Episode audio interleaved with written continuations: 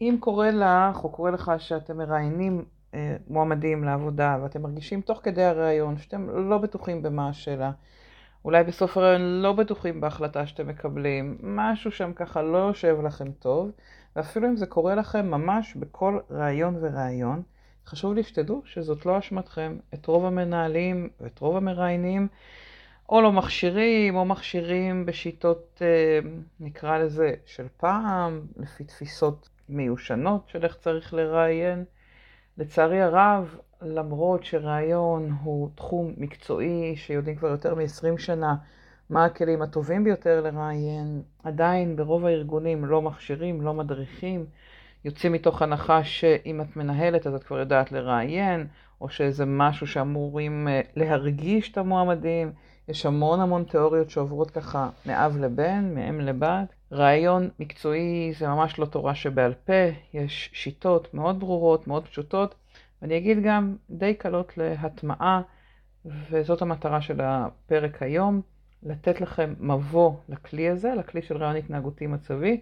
אפשר כמובן לעשות הדרכה הרבה יותר עמוקה, אבל כן ניסיתי לרכז לתוך שעה וחצי המון המון אה, רקע וכלים והסברים פרקטיים של איך להתכונן. היו מעל 170 איש על הקו בשידור החי, כך שיש הרבה שאלות והרבה תגובות, ותוכלו להרוויח מההאזנה גם אה, מתוך השאלות שהם שאלו. אני מקווה שזה ייתן לכם מענה טוב ולפחות איזשהו בסיס כשאתם הולכים בפעם הבאה לראיין.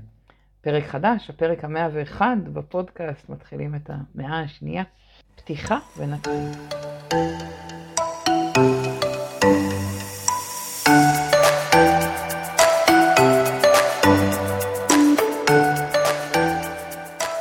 בוקר טוב, ברוכות הבאות וברוכים הבאים, ונהדר שהצטרפתם.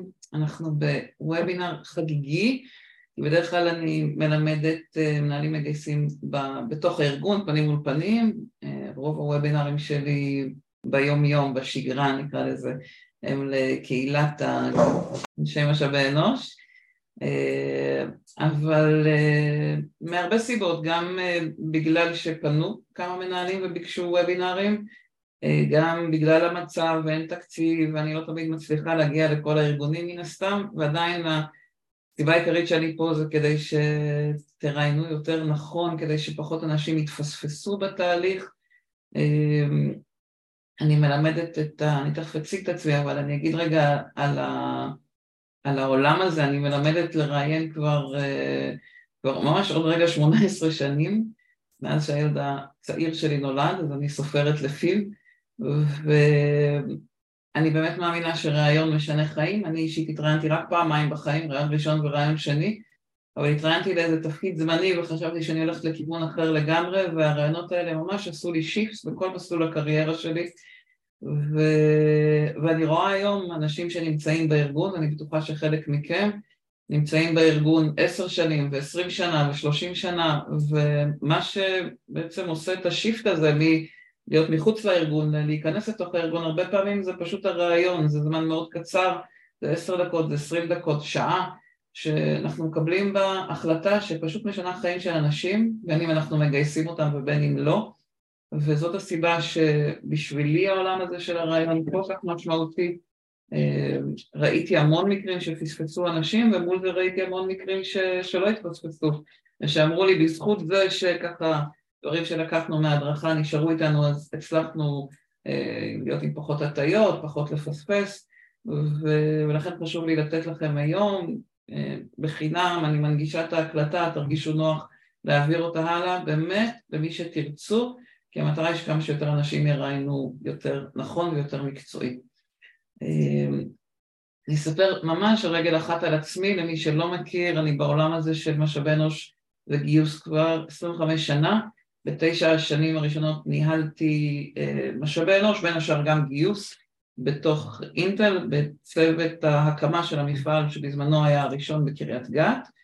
אה, מאז שעזבתי, אמרתי כבר עוד מעט 18 שנה, אני מלמדת ארגונים, מלווה, מלמדת איך לראיין, עובדת בעיקר עם צוותי משאבי אנוש וגיוס איך לגייס, ומגיעה לארגונים להדריך, אה, להדריך את השיטה הזאת של רעיון התנהגותי מצבי, כלומר בדרך כלל זו הדרכה קצת יותר ארוכה, זה חמש שעות שאני מנסה היום לרכז, לצופף לתוך שעה וחצי.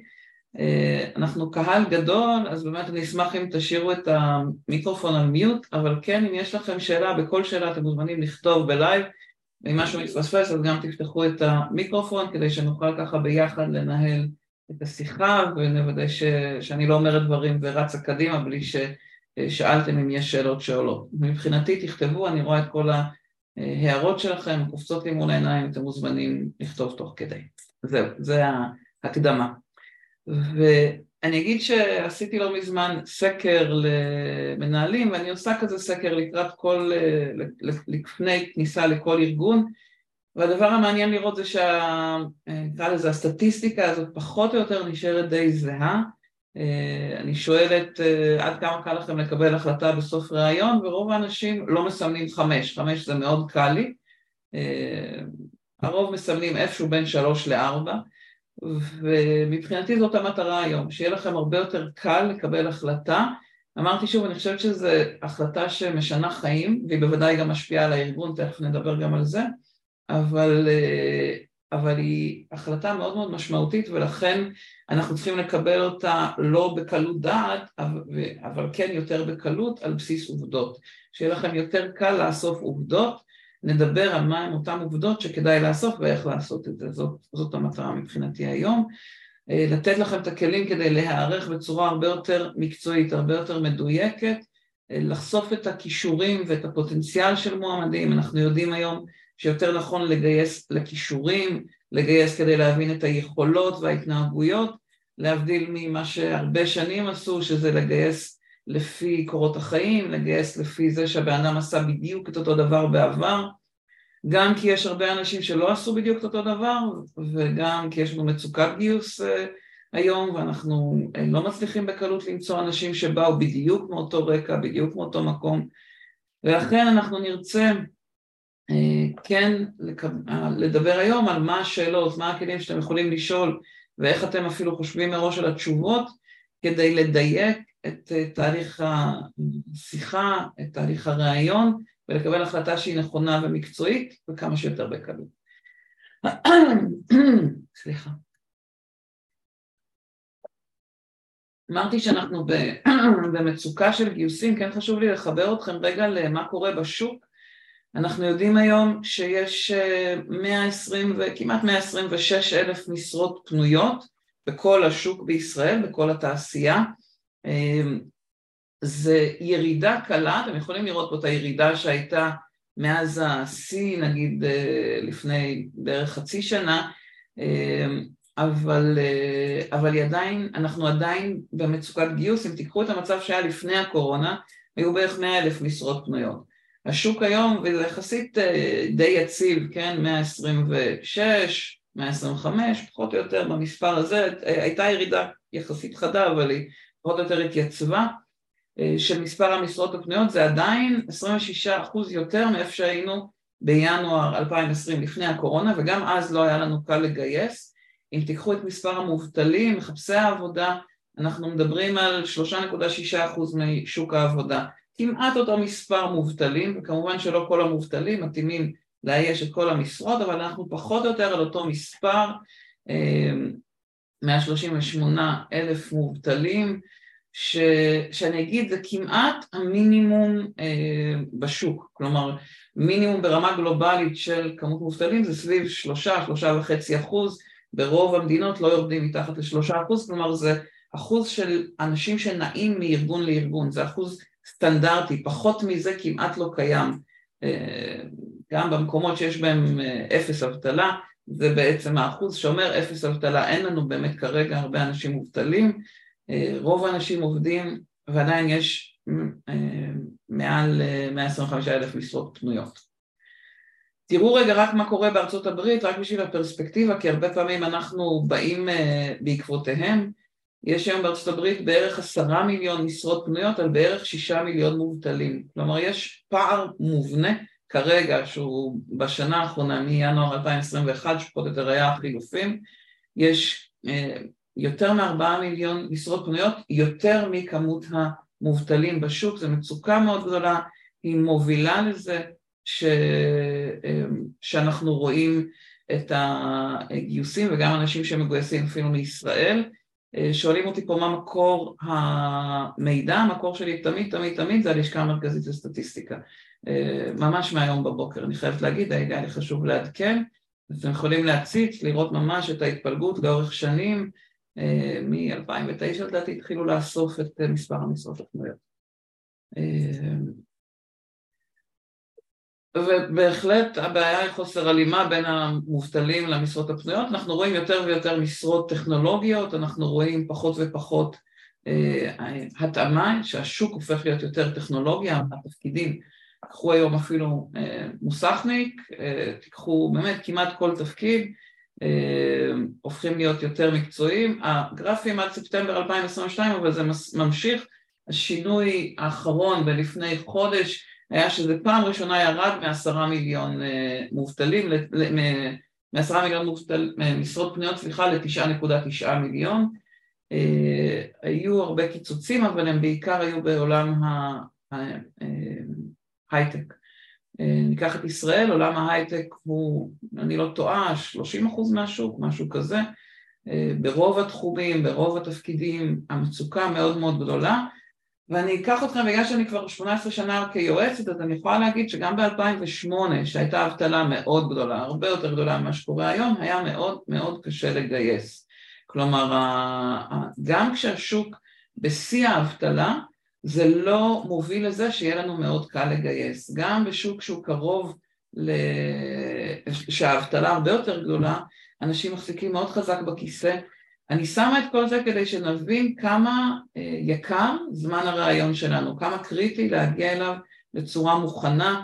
אני לא אכנס לכל, כן, כל מצב השוק, אבל אני כן רוצה רגע לקחת, דיברנו על כמה הרעיון משפיע על החיים של אנשים, אני רוצה רגע לדבר על כמה הוא משפיע על הארגון. תיקחו רגע מישהו ששווי ההכנסה שלו או שלה אה, הוא 240 אלף לש, לשנתיים, אה, עשרת אלפים חודש, עשרת אלפים שקל לחודש, סליחה, אם אני לוקחת משכורת ברוטו של בערך שמונה, שמונה וחצי, ועוד עלויות מעסיק, בערך שלושים אחוז, אנחנו מדברים על שכר של עשרת אלפים שקל. בכוונה הלכתי יחסית למספר נמוך, לא מינימום, אבל בוודאי לא המשכורות שמסתובבות היום. מספיק שאותה עובדת תעבוד איתי שנתיים, שרק המשכורות שאני צריכה לשים לה בצד זה 240 אלף שקל. אני אומרת את זה כי אם אני מראיינת אותה במשך שעה, כל דקה בראיון שווה 4,000 שקל במשכורות שאני הולכת לשלם לה בשנתיים הקרובות. אם uh, היא תבוא אצלי יותר, אז כמובן יותר.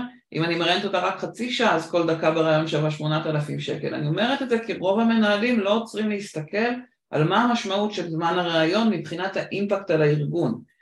Uh, עכשיו, מדי פעם אומרים לי כן, אבל לא כולם יישארו שנתיים, נכון, אנחנו צריכים להוסיף לזה את העלויות של uh, אותם אנשים שעזבו שהם בממוצע שלוש משכורות חודשיות חוץ מהשכר ששילמנו להם, כן?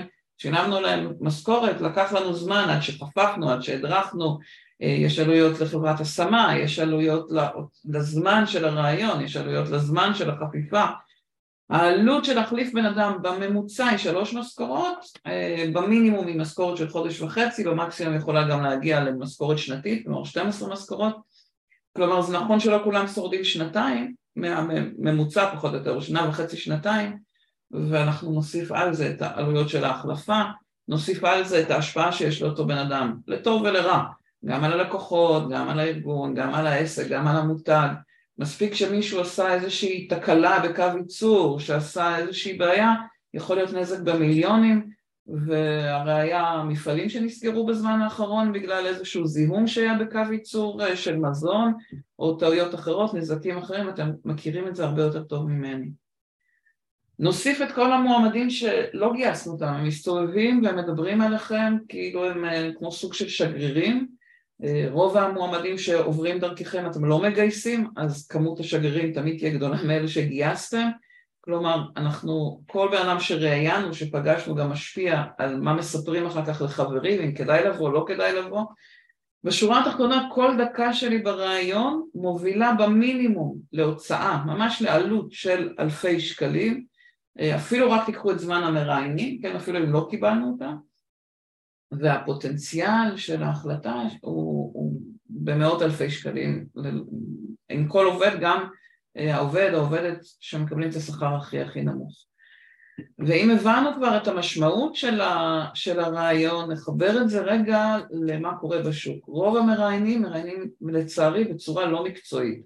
רוב המראיינים מראיינים לפי תחושות בטן, לפי אינטואיציה, לא כי הם לא בסדר, אלא כי במשך הרבה מאוד שנים תחום הרעיון נתפס כמשהו שאם כבר מוניתי, מוניתי להיות מנהלת אז אני כבר יודעת לראיין, אם אני יודעת את המקצוע אז אני יודעת לראיין ואני שומעת, אה, אני שואלת הרבה, איך למדתם לראיין? אומרים לי, ישבתי עם המנהלת שלי וצפיתי עליה, או מישהו אומר לי, כן, זאת שאלה ששאלו אותי כשאני התראיינתי ולכן אני מאז שואל אותה כבר עשרים שנה אחרי. אה, אנשים שמפתחים לעצמם אה, שיטות אינטואיטיביות, אנשים שפשוט תוך כדי תנועה התחילו לראיין, כלומר הסיפור הזה של כניסה להיות מראיין שוב, ברוב הארגונים שאני פוגשת, כמובן לא בכולם, אבל ברובם הם נעשים בצורה אינטואיטיבית ופחות מקצועית. ומול זה תחברו את מה שאנחנו רואים כותרות בעיתונים, היה לפני כמה שנים, אה, אה, ארבע שנים, מעיין מנלה בכלכליסט עשתה אה, פרויקט, אני חושבת שזו בחורה, עשתה פרויקט לשאול מנכ"לים מה השאלה שהם הכי אוהבים, וזה נע בין מה אימא שלך הייתה אומרת לי עלייך, לבין אה, איזה, איזה ילדה היית אה, בגן, לבין מה כוח העל שלך. אה, אני אהיה עדינה ואני אגיד שאף אחת מהשאלות האלה אין לה שום תוקף ניבוי. אני לא אגיד מה אני חושבת עליהן, אני מקווה שאתם מבינים, הן ממש ממש לא רלוונטיות, לא מתאימות, וזה שהפכתי להיות מנכ"לית לא אומר שאני יודעת לראיין, יכול מאוד להיות שלכל אחד מהם יש אינטואיציה טובה, יש תחושות טובות, יש חושים שהם פיתחו עם השנים, שאפילו קשה לשים עליהם הסבר, אבל בוודאי שיש שאלות הרבה יותר טובות והרבה יותר מקצועיות, ואנחנו, אף אחד מאיתנו, גם אם אנחנו סופר סופר אינטואיטיביים, לא יכולים להעביר את זה הלאה אם מחר אנחנו עוזבים את הארגון ומישהו נכנס במקומנו, אנחנו לא יכולים ללמד אינטואיציה, אנחנו לא יכולים לעשות סטנדרטיזציה באינטואיציה, וכמו כל פרויקט אחר ששווה מאות אלפי שקלים, הייתי רוצה שנעשה אותו בצורה מובנית, בצורה שיש לה סטנדרטיזציה. ושואלים אותי רגע מה זה אומר, אם אני לא מאמינה באינטואיציה בריאיון, אז אני אגיד, אני אה, חושבת שאם הייתם אה, הולכים להיות מנותחים, מנותחות, לא הייתם רוצים שרופאה תנתח אתכם בצורה אינטואיטיבית, או שקבלן, קבלנית יבנו לכם בית אינטואיטיבית, ועדיין אנחנו מסכימים, מאפשרים לעצמנו ל- לראיין אינטואיטיבית, לראיין לפי תחושות בטן. עכשיו תגידו, לא, רופאה משפיעה על החיים? לא, גם ראיון משפיע על החיים. קבלן, אה, מסכן את החיים? גם ראיון, אם אני במקום הלא טוב, המשבר הנפשי, המצוקה הקשה, ואפילו השלכה כלכלית בסיסית על הבית הוא, הוא גדול, בתפיסתי לא פחות מרופא ולא פחות מקבלן. ולכן אנחנו צריכים לראיין בצורה מקצועית, בעיקר כשהיא קיימת, אני חייבת להגיד, היא גם לא כל כך מורכבת אה, להבין, ללמוד ו- ולהטמיע. אני שואלת אה, מראיינים לפני אה, סדנאות איזה מהשאלות הבאות אתם שואלים, ואני אעבור רגע על הפלואו הזה ואני כן אתן רגע ככה זמן לשאלות, אז תראו, חוץ מהשאלה מספר 5, רוב שאר השאלות זה לא שאלות שאני ממליצה עליהן, זה שאלות שאני רגע רוצה להסביר למה הן פחות מתאימות, ואני אשמח ככה לשמוע איך זה מתחבר אליכם. אה, ספרי לי על עצמך, ספר לי על עצמך, תכונות חיוביות ושליליות, הן שאלות שאני ממליצה לשחרר אותן, אני יודעת שזה לא קל, אני אסביר תכף גם מה אני ממליצה במקום בפתיחת ראיון, אני יודעת שזה נורא קשה, בעיקר כי יש לכולנו את ההרגל של לפתוח ראיון, אם ספר לי על עצמך, ספרי לי קצת על עצמך. אמ, אבל הן שאלות, שתי שאלות שהן שתיהן, אם אתם הולכים לכל מאגר מה השאלות שכדאי להתכונן אליהן, הן מופיעות שם, רוב המרואיינים מגיעים עם רשימת שוב, מסודרת של תשובות, אה, הולכים ליועצים תעסוקתיים, בונים מראש את התשובה המומלצת לספרי לי על עצמך, ספר לי על עצמך, ומבחינתי כל שאלה שאפשר לבוא עם תשובה מוכנה מראש היא שאלה פחות טובה. אה, לא בגלל שאני מחפשת את אלמנט ההפתעה, אלא כי זה מהונדס, כי קשה לי להפריד בין אמת ומה מה מגיע מתוך רצייה חברתית, מה מגיע מתוך איזה טקסט שהכינו מראש, ואני רוצה אה, כן שהם יספרו לי על עצמם, אבל בצורה הרבה יותר ממוקדת, הרבה יותר מדויקת, הרבה יותר מקצועית, תכף נדבר על מה זה אומר. אה, לא אדבר על תכונות חיוביות ושליליות, שאני חושבת שלאף אחד מאיתנו אין תכונות חיוביות ושליליות, יש לנו הרגלים, יש לנו תכונות, אבל בתפקיד אחד זה יכול להיות יתרון, בתפקיד אחד זה יכול להיות חיסרון, אז אני לא חושבת שזה בכלל נכון לדבר על אנשים בתור חיובי או שלילי. כל השאלות שסימנתי בכחול הן שאלות בעייתיות כי הן היפותטיות, הן מתעסקות בעתיד, הן מתעסקות במה הולך להיות, אף אחד מאיתנו לא יודע איך הוא או היא יתנהגו בעתיד, לא אם יהיה מצב לחץ, לא אם יהיה צוות מגוון, הדרך שלנו לענות על השאלה הזאת זה לחשוב איך הייתי בעבר במצב כזה ולהסביר את זה ולכן אני אעשה קצת אה, פרומו, אנחנו נהפוך שאלות על העתיד לשאלות על העבר ואנחנו נתמקד בעיקר, רגע אני אחזור לי לשתות, אנחנו נתמקד בעיקר בהתנהגויות ולא ברגשות ולא בתחושות ולא בערכים אלא אנחנו נתמקד בהתנהגויות מעשית, מה עשית בעבר? כי אנחנו יודעים מהמחקר שזה מה שהכי מנבא, תכף נחבר את זה רגע למה בדיוק נחפש על העבר. השאלות הוורודות שהן עסוקות במוטיבציה, אני אנסה לתת אחר כך את השאלות שאני ממליצה במקומן. אה, אני אגיד על, על רגל אחת, הן בעיקר בודקות המוטיבציה לרעיון, כמה כרגע בא לך להתקבל לארגון שלי, הן פחות עסוקות בהאם תתמידי לאורך זמן, האם הדברים שאת הולכת לעשות בתפקיד, שאתה הולך לעשות בתפקיד, הם מאוד מחוברים ל passion שלך, ל passion שלך, למה שמניע אותך, אנחנו ננסה לייצר, או נשתף אתכם בשאלות שנוגעות בדיוק במקומות האלה. אפשר שאלה? מה אומרים האחוזים? כן, אה, נתתי את השאלות האלה לסקר, לקבוצה של משהו כמו מאה ומשהו אנשים לקראת וובינר אה, דומה שעשיתי בעבר, וזה התשובות של משהו כמו מאה איש. אבל זה מאוד דומה למה שקורה כמעט בכל קבוצה שאני משתפת את הסקר. אז אה, זה מה, נגיד, רוב המנהלים מסמנים, איזה תשובות רוב המנהלים שאני פגש, פוגשת עונים. עונה? אוקיי? זה לא... כן, תודה. בסדר, אני אגיד, זה, זה פשוט שאלות שאני רואה שחוזרות שוב ושוב, שאנשים משתמשים בהן בראיונות, והסטטיסטיקה פחות או יותר מדויקת למה אני פוגשת שוב ושוב ממנהלים שונים. אמ, שאלות 10-11 שהרוב באמת כבר היום יודעים לא לשאול אותן, הן בעייתיות מבחינה משפטית, לא כולם יודעים שגם מקום מגורים הוא בעייתי מבחינה משפטית, בדיוק כמו לשאול אה, האם את נשואה וכמה ילדים יש לך. אמ, החוק פשוט אוסר להפלות אנשים לפי מקום מגורים. אמ, אנחנו כן ננסה לכוון לשאלות כמו מספר 5, ספרי לי על משהו שקרה, קונפליקט שהיה, תכף נראה איך נבנה את זה יותר מסודר, אבל רגע לכיוון הכללי, אנחנו נכוון לשאלות שעסוקות בדברים שהיו בעבר, לא רק קונפליקטים, גם תקלות, גם באג אה, בקוד, גם אה, בעיה במערכת, גם אה, מכונה שלא תפקדה, גם מישהו בצוות שלא שיתף פעולה, בסדר, אבל מצבים ספציפיים, קונקרטיים, שהתמודדת איתם בעבר, שהתמודדת איתם בעבר, מה עשית? לשם אנחנו נכוון. יש שאלות. שאלה? כן. האם, uh, ספר לי על עצמך, אנחנו אכן משחררים מזה, זה לא uh, משהו שבמידה מסוימת uh, מייצר פחות פתיחות בשיח וכל בעצם המטרות שיש לשאלה הזו בפתיחה ובחימום האווירה? האם שאלה שהיא יותר אגיד, ממוקדת... שנייה, אז אני אגיד רגע, דווקא אני אענה, אני, אני מבינה את השאלה, סליחה שאני קוטעת. אני, אני אגיד ככה, אחד, בהחלט יש uh, uh, הנחה להרבה אנשים, ולדעתי היא טעות שצריך לשבור את הקרח, בסדר?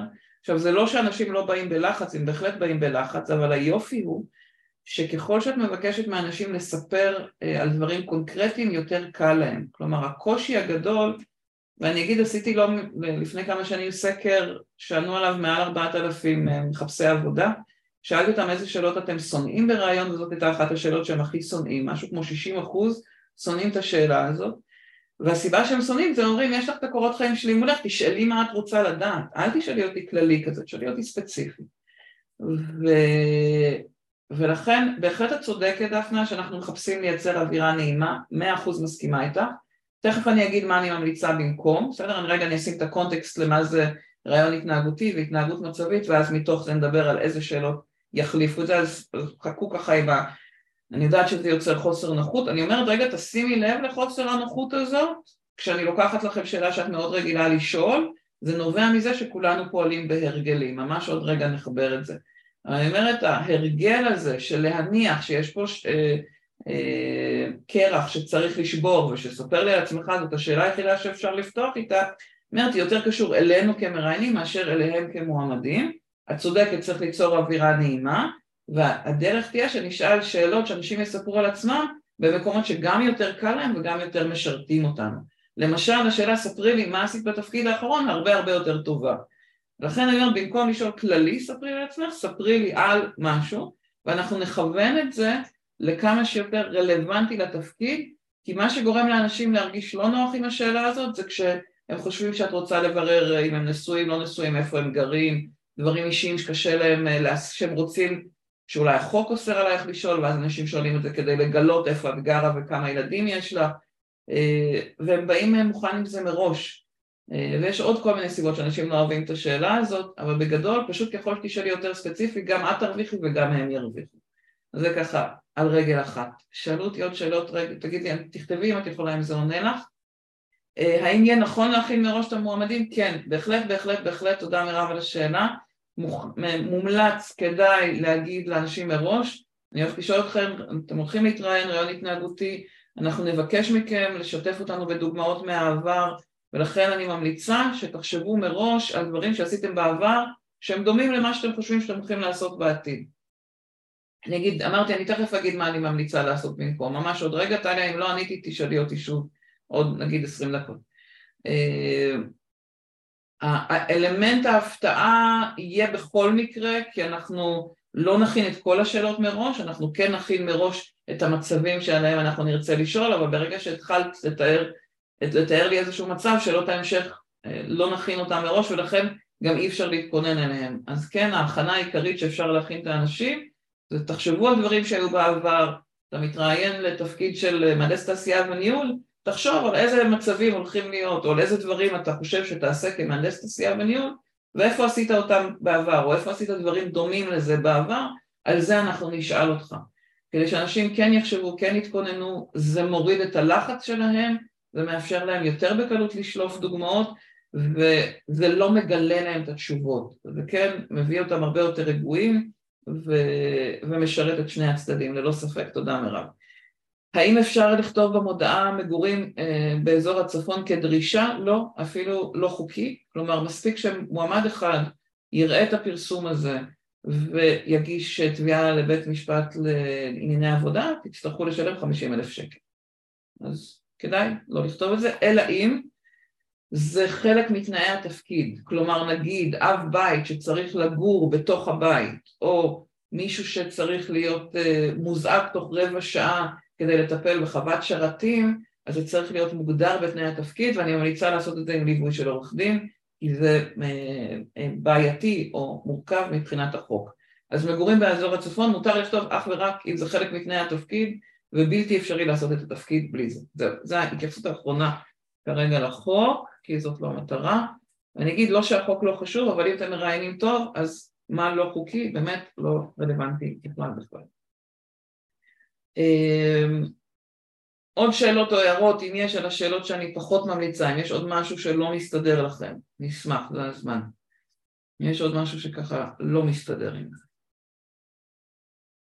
קנה, גיל מועמד גם בתוך הרשימה הזאת, לא שמתי את כל הרשימה של מה אסור, אם תרצו אני, אני אשלח לכם ל, אה, למייל, ל-SMS את הסרטון קצר שעשיתי על את מה לא לשאול, אה, אז תעקבו אחרי, אני רושמת לי כי לא הכנסתי פה, יש רשימה מסודרת, סרטון קצר שעשיתי של אה, שלוש-ארבע דקות על כל מה שאסור לשאול, אוקיי? שאלה על הרכב, כתבתי פשוט שהיא חוקית, כלומר מותר לשאול אותה, היא לא לא אסורה, אבל, כלומר החוק יש בו רשימה סגורה של דברים שאסור לשאול עליהם, כל מה שלא ברשימה מותר לשאול, בסדר? זה הרעיון.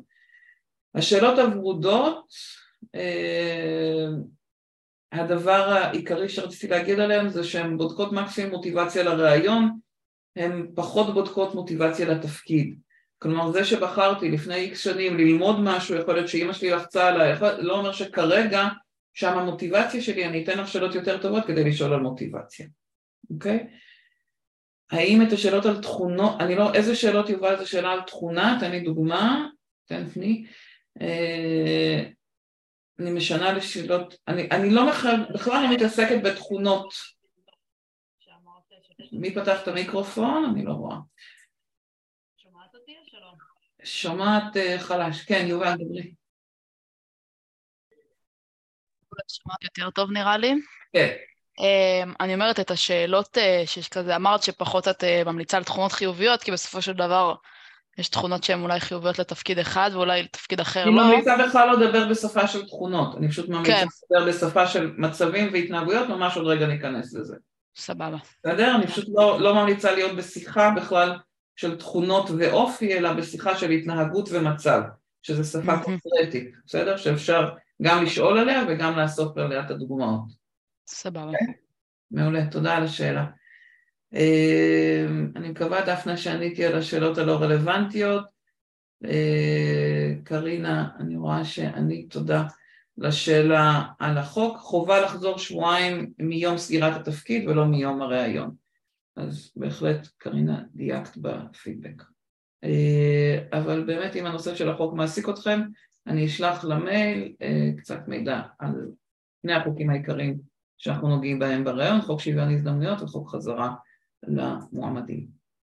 אה, מיום קבלת ההחלטה אומר מיום שמישהו אחר נכנע, התקבל, כן, זאת ההגדרה. המטרה מבחינתנו כשאנחנו באים להתכונן לרעיון היא לדייק, היא לאסוף את העובדות שהופכות את ההחלטה להחלטה מקצועית וכשאני אומרת החלטה מקצועית חשוב לי שתדעו מה זה אומר. אחד, זה אומר החלטה שיש לה תוקף ניבוי, שיש קשר מאוד מאוד חזק בין מה שאנחנו רואים בראיון ומה שאנחנו רואים בשטח אה, חצי שנה אחרי, שנה אחרי. דבר שני, החלטה מקצועית זה החלטה מהימנה, שיש קונסיסטנטיות במדד, כלומר שאם שלושה מראיינים יראיינו את הבן אדם, שלושתם יגיעו להחלטה דומה, זה משהו שלא יכול לקרות כשאנחנו עובדים כל אחד אינטואיטיבי, אה, אולי בקצוות, אבל לא אה, אצל אנשים שהם, אה, יש לנו לגביהם דברים חיוביים, דברים שליליים, אז שם קשה שיהיה מהימן, שתהיה חזרה. אני אדבר איתכם על איך לבנות שאלון ולחשוב מראש גם על השאלות וגם על התשובות לרעיון, ואז הרבה יותר קל לחזק את ה, גם את התוקף וגם את המהימנות. ואנחנו גם רוצים שהרעיון ייצור חוויית אה, מועמד, מועמדת טובה, כלומר שאנשים שיעברו את הרעיון גם אם הם לא יתקבלו, יגידו לחברים שלהם וואו ממש כדאי לכם לבוא לארגון הזה להתראיין, כי התראיינתי והייתה לי חוויה מאוד טובה, זה מעיד לאנשים על מה זה אומר להיות אחר כך אה, עובדים בארגון. אז אנחנו רוצים גם מבחינה, שהרעיון יהיה מקצועי מהימן ותקף, וגם שהאווירה שהוא מייצר, שהחוויה שהוא מייצר תהיה טובה למועמדים, ושלושת ה... נקרא לזה מדדים או הפרמטרים האלה רלוונטיים אה, ואנחנו רואים אותם גבוה בכלי של רעיון התנהגותי מצבי. עכשיו נסביר מה זה רעיון התנהגותי מצבי. אנחנו באים לנבא את ההתנהגות האנושית ברעיון וכשאנחנו באים לנבא התנהגות אנושית, בעצם אנחנו מסתכלים, או המחקר מדבר על החיבור בין טריגר ותגובה. למשל כשאתם נוהגים בכביש, נוהגים אה, באוטו, רואים רמזור, אוטומטית הרגל שלנו הולכת לברקס. כל כך אוטומטית שמחקר מראה שהאינסטינקט של ללחוץ על הברקס קורה עוד לפני שהמוח עיבד את, ה, את מה הוא ראה. כלומר, בגלל שאנחנו כל כך הרבה שנים בדרך כלל נוהגים, וזה יכול להיות אפילו כבר אחרי אה, זמן מאוד קצר כשאתם לומדים לנהוג, נוצר החיווט, החיבור העצבי במוח, שמחבר בין, בין רמזור אדום לבין ללחוץ על הברקס, אם תשימו לב, יצא לכם לנהוג ומשהו בזווית העין קלטתם משהו רץ, כדור רץ, אתם לוחצים על הברקס אפילו לפני ששמתם לב מה ראיתם, המוח שלנו מתכנן, אה, ממש אה, מכוות, מכוות עצבית לתגובות האינסטינקטיביות של משהו ככל שאנחנו עושים אותו שוב ושוב ושוב. כלומר אם תסתכלו במחקר, מדברים במחקר על החיבור בין מצב, בין טריגר ותגובה, בין מצב והתנהגות. אופיר שואל, שואלת אם אני אשלח את המצגת, כן, אני אשלח גם את המצגת וגם את ההקלטה. אוקיי? את הגישה, אני, אני מעלה את זה לאתר שלי, יהיה לכם גם את המצגת וגם את ההקלטה, בשמחה. אה, אנחנו מדברים על זה שהמוח בנוי, בסדר? מכוות, שטריגרים מייצרים תגובות, מצבים שאנחנו נמצאים בהם. מצב יכול להיות משהו חיצוני כמו רמזור, מצב יכול להיות גם חוויה פנימית, מישהו הרגיז אותי, מישהו, משהו שימח אותי, מישהו הצחיק אותי, בסדר? אה, כל מצב חיצוני או פנימי מייצר, ככל שהוא קורה עוד פעם ועוד פעם ועוד פעם, מייצר תגובה, התנהגות שהיא אוטומטית, עד כדי כך שהמחקר מדבר על 40% מהפעולות שלנו שקורות אה, ממש על אוטומט, שאנחנו עושים אותם בלי לעצור לחשוב, תחשבו על איך אתם מתארגנים בבוקר, על איך אתם מתקלחים, אה, על איך אתם, אה, דיברנו על נוהגים, שאתם, אם אתם בדרך כלל נוסעים למשרד ופתאום יש יום שיש משהו במקום אחר, אנחנו הרבה פעמים נוסעים אוטומטית למשרד, לא עלינו ילדים שנשכחים ברכב, זה קורה כי פתאום מישהו שלא רגיל אה, לעשות את אותו אה, אירוע, את אותו מהלך, פתאום צריך לעשות משהו אחר והמוח שלו פעל על אוטומט, אה, משהו הסיח את דעתו והוא חזר לאוטומט הרגיל ונשכח ילד ברכב, בסדר? בכל המקרים זה הסיפור שאתם שומעים. המוח שלנו, לכן זה יכול לקרות דרך אגב לכל אחד, המוח שלנו פועל על אוטומט ולא עלינו להשאיר ילד ברכב זה הסכנה, היתרון הגדול אה, הוא שכל דבר שמישהו עשה בעבר, מישהו, מישהי עשו בעבר, הופכים להיות סוג של הוכחה, סוג של עובדה עבורנו. כשאנחנו באים לראיין, אנחנו אומרים אם מישהו כבר אה, אה, עבד על מכונה הוא יוכל לעבוד על מכונה אצלי, אם מישהי כבר הייתה אשת מכירות היא תוכל להיות אשת מכירות אצלי, מי שהייתה מהנדסת היא תהיה מהנדסת, אם מישהו היה איש משאבי אנוש, הוא יהיה איש משאבי אנוש, או הוא יהיה מסוגל לעבוד עם, עם אה, אנשים, לעבוד עם עובדים בתוך הארגון. כלומר, אנחנו, אני, חשוב לי להגיד, אני לא מחפשת ניסיון בעבר, אני מחפשת התנהגות בעבר, וזה מאוד מאוד שונה. ככל שעשיתי משהו בעבר, כולל למדתי דברים חדשים, כולל התמודדתי עם שינויים, זה הופך להיות סוג של מוכחה, סוג של עובדה, איך אני אתנהג בעתיד כשיהיה לי שינויים, כשיהיה לי דברים חדשים שאני אצטרך ללמוד. כלומר השיטה של רעיון התנהגותי מצבי היא שיטת רעיון שמניחה שההתנהגויות של אנשים בעבר במצבים ספציפיים ינבאו לנו את ההתנהגות העתידית במצבים דומים. כלומר ככל שאנחנו נזהה ברעיון דפוסי התנהגות, משהו שקורה לך עוד פעם ועוד פעם ועוד פעם, כל פעם שאתה, שאת במצב מסוים, אתם פועלים באותה צורה, ככל שאני אזהה את זה ברעיון, אני אוכל להגיד, אוקיי, כנראה גם מחר, כשתהיו שוב בסיטואציה דומה, כנראה גם שם תתפקדו בצורה דומה. אני אעצור פה כדי לשאול אם זה מסתדר, לא מסתדר, מה לא מסתדר. אני רואה בעייתיות מסוימת בעניין הזה, אני חייב להודות. אה, חלק, חלק מההתנהגויות, לפחות אם אני שופט את ההתנהגויות שלי, למשל, במקומות מסוימים הם גם אה, החלטות שמתקבלות הן אה, מתבססות הרבה פעמים, את יודעת, על מנטליות מסוימת בארגון, על רמת ציפיות, על היסטוריה אישית שיש לי עם אנשים. אה, מאה אחוז, אה, גדי, אבל תעצור שנייה, תסתכל על כל הדברים שהרגע אמרת, בסדר? היסטוריה, האנשים שאתה מדבר עליהם, כל אלה אני מכניסה אותם למצב. כלומר, כשאתה עוד לא מחובר למצב לאנשים, ההתנהגות שאתה תתנהג תהיה אוטומטית לפי איך שהתנהגת בעבר. אתה צודק במאה אחוז שאפשר ללמוד ולשנות התנהגויות ואף אחד מאיתנו לא ידע איך להתמודד בקורונה ולמדנו, לא הייתה ברירה, שלוש... לא, לא, זה... אני, אז אני, אני אדייק טיפה את התשובה, בסדר?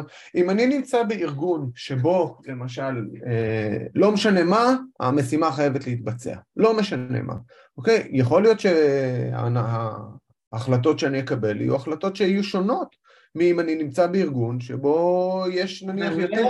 אבל תשים לב את מה תיארת, גדי, מעולה, אתה צודק, תיארת את המצב. כלומר, אם אני... אני אקח רגע, לאיזה תפקיד אתה מגייס, אני אנסה לתת דוגמה קונקרטית. לא, לא משנה, תפקיד טכנולוגי כלשהו. תפקיד טכנולוגי כלשהו, נגיד מהנדס, בסדר?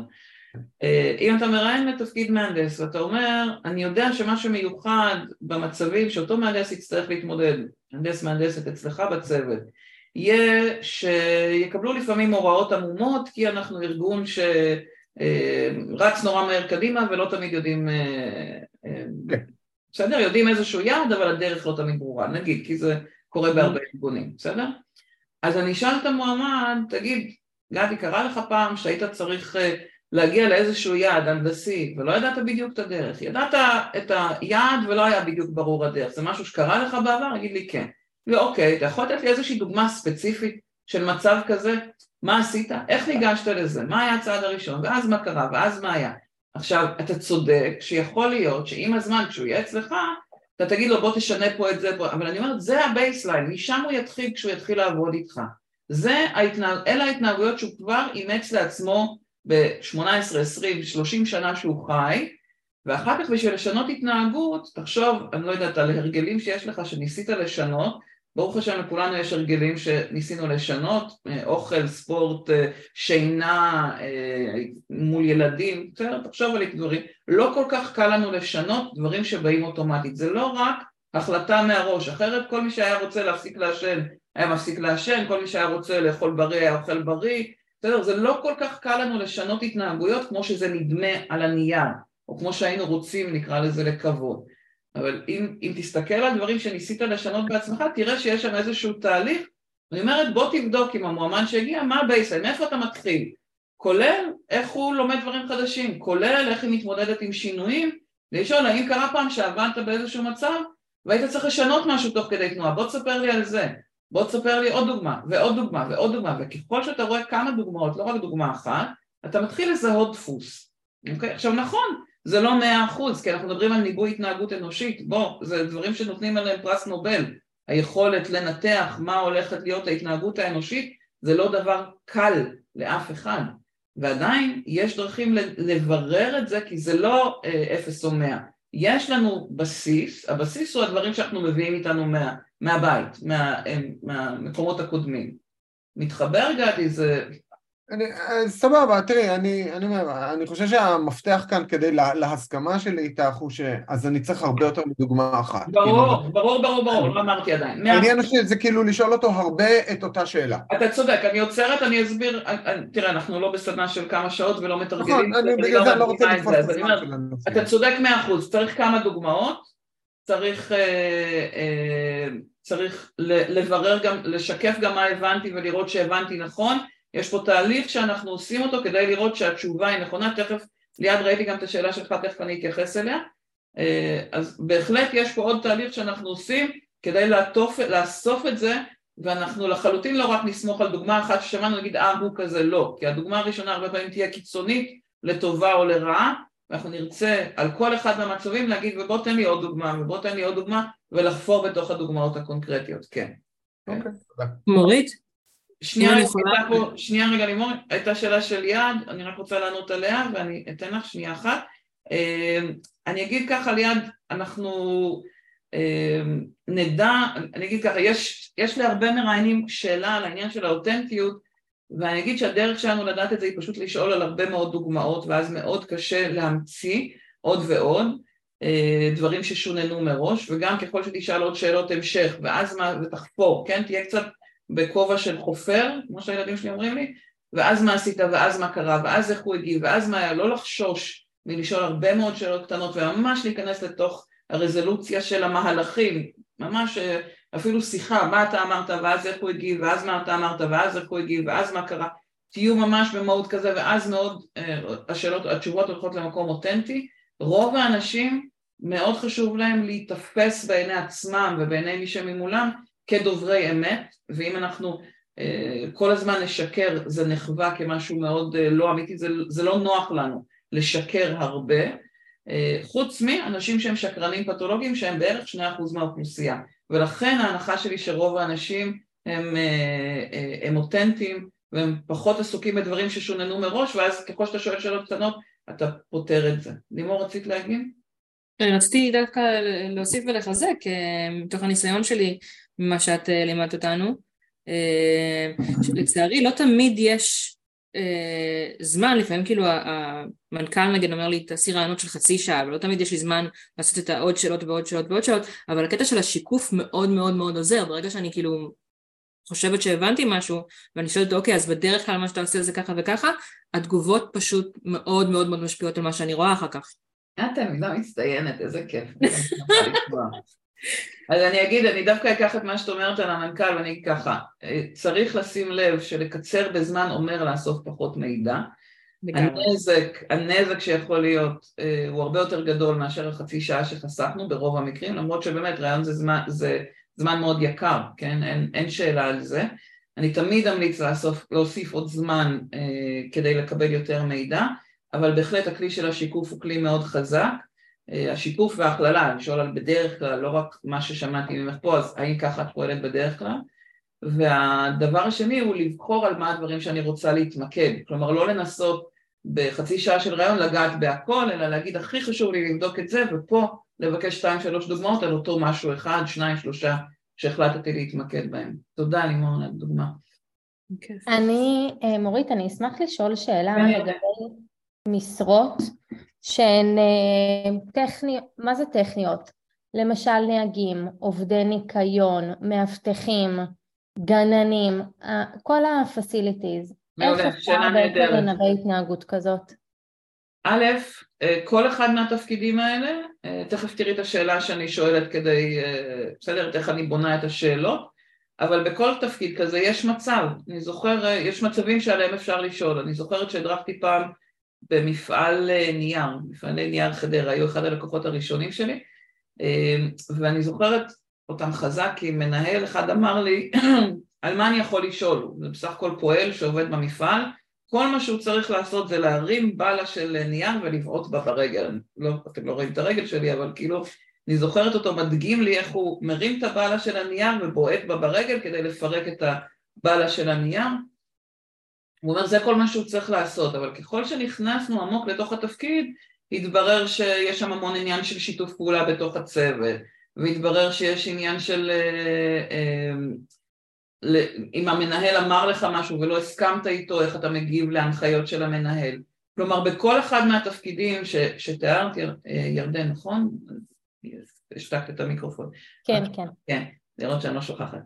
אה, בכל אחת מהדוגמאות ששאלת, מה שהייתי עושה בשביל להתכונן זה לשבת עם המנהלים או אפילו עם עובדים עצמם ולשאול אותם מה המצבים הכי מורכבים בתפקיד, זה פרומו כי זה תכף השאלה שנדבר עליה, מה המצבים המורכבים בתפקיד, באיזה מקומות אתם רואים שחלק מהאנשים מצליחים לתפקד וחלק מהאנשים פחות, ומה את רוצה לשמוע, איזה, מה את רוצה לשמוע, איזה התנהגויות טובות למישהו שבתפקיד הזה, אה, במצב הזה, ואז לשאול את המועמדים, תגיד, היית פעם בכזה מצב? מה עשית בו? כדי לראות האם הם מתפקדים טוב או לא.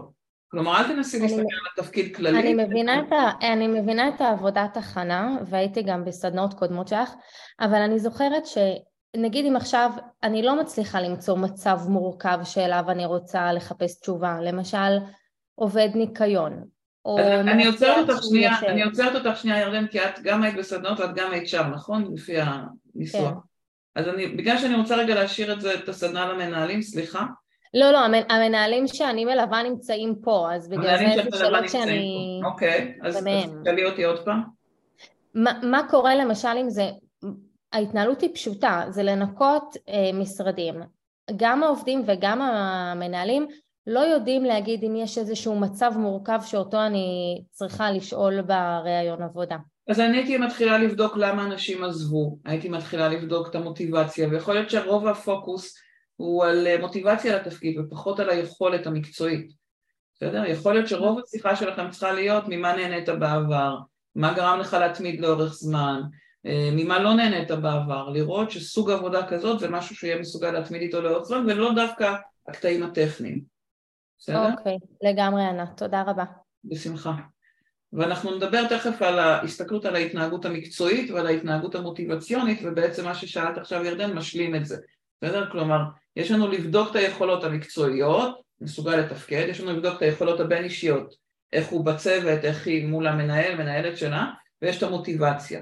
אז אנחנו נרצה על כל אחד מהצירים להבין האם זה ציר משמעותי ולפעמים דווקא התפקוד בצוות או המוטיבציה יהיו יותר משמעותיים ואז משם נתחיל.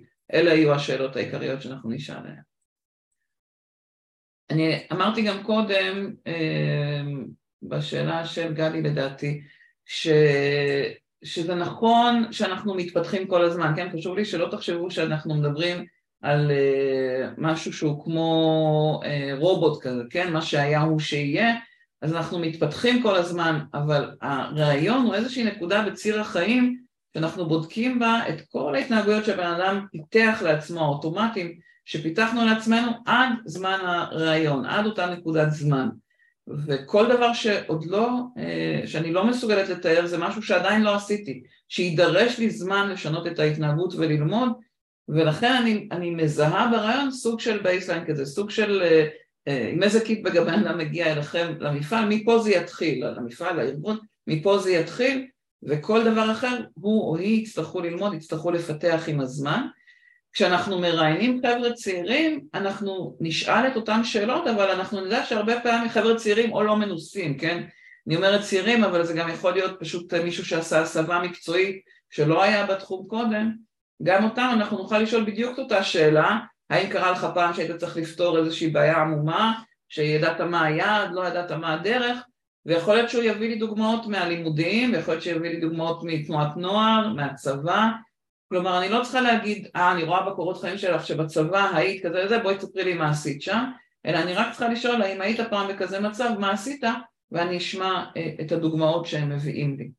שאלות על זה אם זה מסתדר, כי אני יודעת שעל חבר'ה צעירים או עם פחות ניסיון זה משהו שמטריד הרבה מראיינים, אז אם יש על זה שאלה תגידו.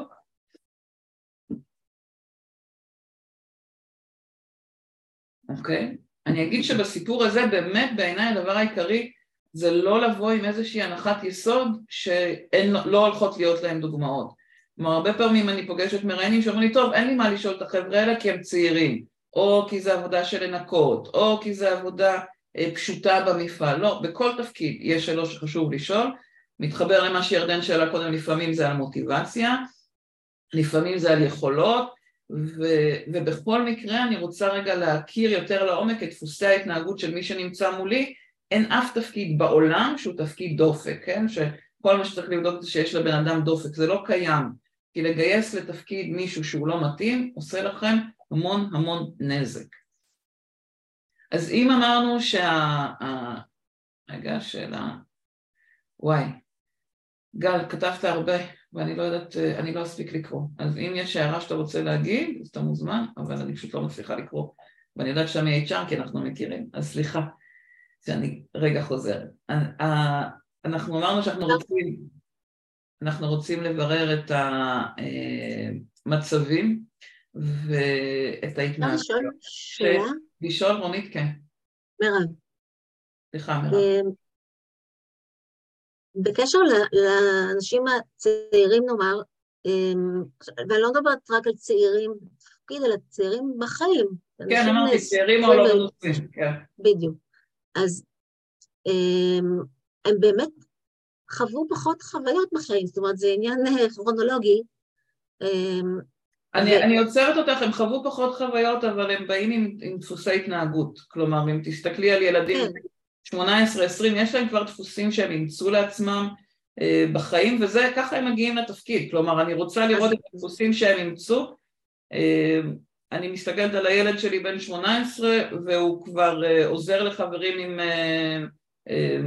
פתרון של בעיות, אז הוא יכול לדבר על איך הוא הנחה אחרים, הוא היה צריך להתמודד עם תרגילים במחשבים, כשהוא למד מחשבים או מתמטיקה, הילדה שלי הנחתה בתנועת נוער, אז היא, היא עבדה מול לקוחות בתנועת נוער, כלומר, אנחנו, אה, הם מגיעים, תחשבו על עצמכם בגיל 18-20, היום אנשים מגיעים, אתמול פגשתי, אני חייבת, אני אתן לך את זה כדוגמה, היא הכי, הכי מוצלחת, אתמול הייתי בכנס, היה שם בחור בן 23, שיש לו כבר שבע שנות ניסיון כ... אה, אה, איך קוראים לזה?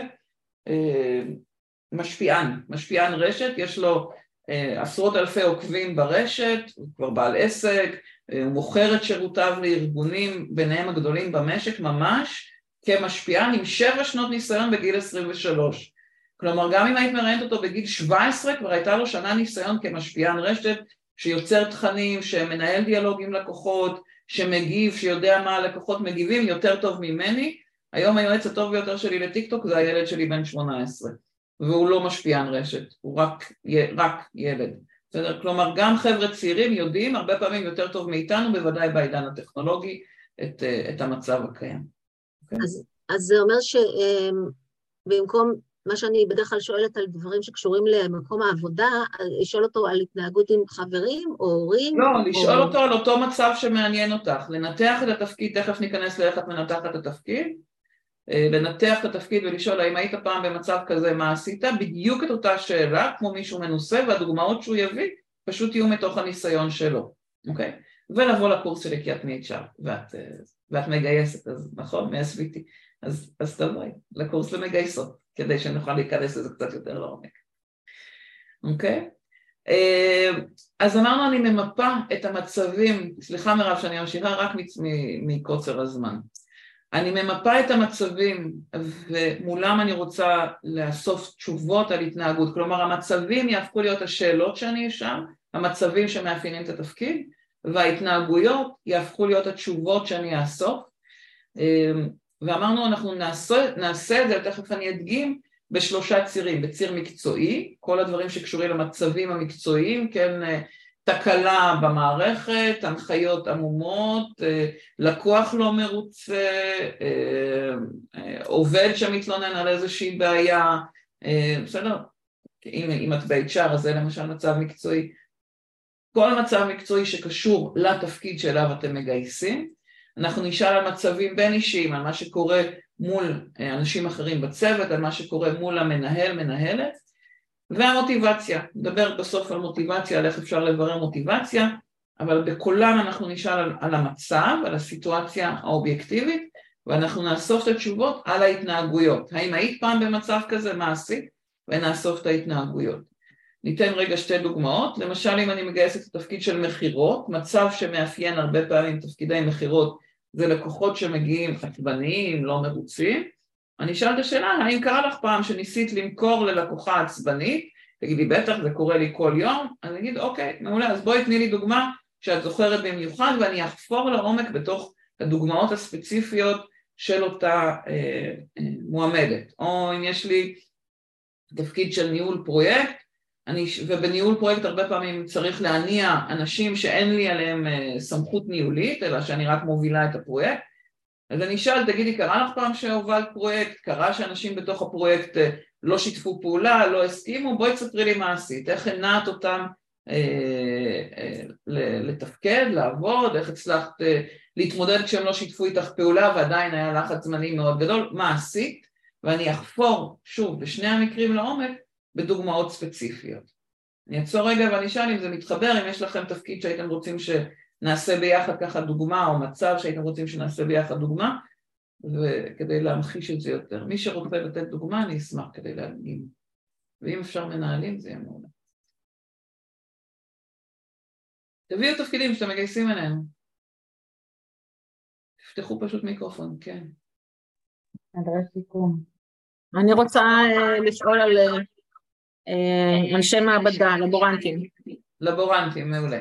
אז בואי ניקח איריס במעבדה, אחד הדברים שקורים, מה שאני שומעת בעבר זה שתכננת אה, איזשהו ניסוי והוא לא יצא כמו שתכננת, נכון? מתחבר? הם בדרך כלל לא מתכננים ניסויים, הם מבצעים פרוטוקולים. מבצעים פרוטוקול, מעולה. אז יש לך איזשהו פרוטוקול לבצע, אה, ועשית את הפרוטוקול ומשהו לא הלך כמו שתכננת, בסדר? נכון? זה קורה? ב... כן, בוודאי. מעולה. אז אני רוצה לשאול אותה, תגידי, איריס, קרה לך פעם שהיית צריכה, אה, שעבדת במעבדה, היא תגיד לי כן, קרה לך פעם ש... ואפילו אם היא תגיד לי לא, אני אגיד, אוקיי, אז איפה בכל זאת כן רצת ניסויים או התמודדת עם, עבדת לפי איזשהו פרוטוקול, האם קרה פעם ש... שניסית לעבוד לפי איזושהי תוכנית או איזשהו פרוטוקול ומשהו לא הלך כמו שזה, בואי תספרי לי על מקרה ספציפי. כלומר, אני אכוון לאירוע קונקרטי, גם אם היא תענה לי כן, בטח זה קורה הרבה, אני לא אשאל אותה, אז מה את בדרך כלל עושה? אני שואל, אז בואי תעצרי רגע, תזכרי באירוע קונקרטי שזה קרה, ובואי תספרי לי מה עשית שם, מה היה האירוע, מה היה הפרוטוקול, מה ניסית לבדוק, ואז מה הייתה התקלה, ואז מה עשית, ואז מה קרה. כלומר, אני ממש אקח אירוע קונקרטי שהיא יכולה להגיד לי, כן, זה היה ביום שלישי לפני חודשיים, ובסדר, אני לא מחפשת מן הסתם את היום הספציפי, אבל אני כן רוצה אירוע קונקרטי, ואני אתעקש איתה עד שהיא תיזכר באירוע קונקרטי, ואני אחפור בתוכו, בתוך הדוגמה, אוקיי? Okay? אה, עכשיו אני רואה שרשמתם לי כל מיני דוגמאות. איריס, פתחת מיקרופון, את רוצה רגע להגיד את הדוגמה? גם תהילה? אני אשמח למחסנאי או מפעילי מכונות, יותר בתחום של הייצור גם. מחסנאי ומפעילי מכונות, מעולה. אז בואי ניקח מחסנאי, אה, מה המצב שקורה שם הרבה? תני לי דוגמה. אה, הרמת משקלים, עבודה רבה על הרגליים. איזה בעיה קורית? לא, איזה, לא מה הקשיים שיש, אלא מה הבעיות שקורות בתפקיד שגורם לחלק מהאנשים אה, אפילו שיפטרו אותם. מה, איפה המקומות שאנשים נופלים בהם? לא שקשה, שקשה זה, אנחנו נדבר... אה, לדעתי לתת פשוט שעות עבודה, עבודה כאילו בשעות רבות. אז אני עוצרת אותך נטע ואני אזמין אותך ללכת בגלל, את, את את אה, לא מנהלת במקצוע, בתפקיד, נכון? את משאבי אנוש? סליחה. נכון. אז אה, אה, למה ידעתי להגיד את זה? לא כי אנחנו מכירות, אלא כי את אה, מנחשת. והדרך לראיין היא להכיר טוב טוב טוב את התפקיד מהעיניים של אותם אנשים. עכשיו זה שקשה שעות ארוכות ולעמוד על רגליים אין לי ויכוח, אבל מחסנאי יודע שזה התפקיד. ו... המחסן לא מעודכן. שיש לו באיזה... שהמחסן לא מעודכן. שהמחסן לא מעודכן, נהדר, תודה דפנה. אז אני אשאל מחסנאי, תגיד, קרה לך פעם שהיית צריך אה, לשלוף איזשהו פריט ובאת וזה לא היה מעודכן, מה שהזמינו ומה שהיה במחסן לא היה, נגיד אנחנו ממציאות כי לא הייתי מחסנאית, אני מנחשת ממה שדפנה אומרת מה זה מחסן לא מעודכן, הוא יגיד לי כן, זה קרה, אפילו אם הוא לא היה מחסנאי והוא היה, יודעת מה, היה אפסנאי בצבא או היה במשהו אחר, אנחנו סמב"ץ בצבא, אני שואלת אותו, תגיד, קרה שהיית צריך להביא משהו, דרשו ממך משהו וזה לא היה אה, מעודכן? לי, כן, בטח זה קרה פה. מעולה, אז בוא תספר לי על אירוע קונקרטי ספציפי שאתה זוכר. כלומר משהו שמשותף לכולם, זה אנחנו לא מתעסקים בסביבה באופן כללי, כן, היה לך קשה, האם עבדת פעם הרבה שעות על הרגליים, אלא אני הולכת לאירועים הקונקרטיים ביום יום שאותו בן אדם הולך להתמודד איתם, מנקודת המבט שלהם, כלומר לא מנקודת מבט שלי מבחוץ כ-HR או אפילו כמנהלת, אלא אני, אני אסתכל מנקודת המבט של האנשים עצמם, איפה המקומות הקשים ביותר, המורכבים ביותר, שהכי תוקעים אותם בתפקיד. ואני אשאל, האם היית פעם בכזה מצב? מה עשית? בוא תן לי דוגמה, ועוד דוגמה, ועוד דוגמה. כלומר, עבודת ההכנה שלי כוללת ממש להיכנס לתוך, נקרא לזה חוויית התפקיד, חוויית היום-יום של התפקיד, ולשאול שם על המצבים שבתפקיד הזה מתמודדים איתם. עכשיו תשימו לב שאני מפרידה בין מצב והתנהגות. מצב זה משהו אובייקטיבי. שבאתי עם הדרישה למחסן, למער... לקיר, והיה חסר שם פריט, זה מצב. לא משנה מי המחסנאי שיצטרך להתמודד עם המצב הזה, זה המצב שיצטרך להתמודד איתו. מנהל מכירות יתמודד, או תתמודד, מנהלת מכירות תתמודד מול לקוח שלא משתף פעולה, שאומר לה לא, זה לא מעניין אותי, לא רוצה להתקדם, או תתמודד מול אה, זה שהיא צריכה להגיע לשוק חדש ואין שם, אה, אין לה לידים חדשים בשוק הזה. אני שואלת אותה, תגידי, קרה לך פעם שהיית צריכה לנהל מכירות והיו חסרים לך לידים? מה עשית?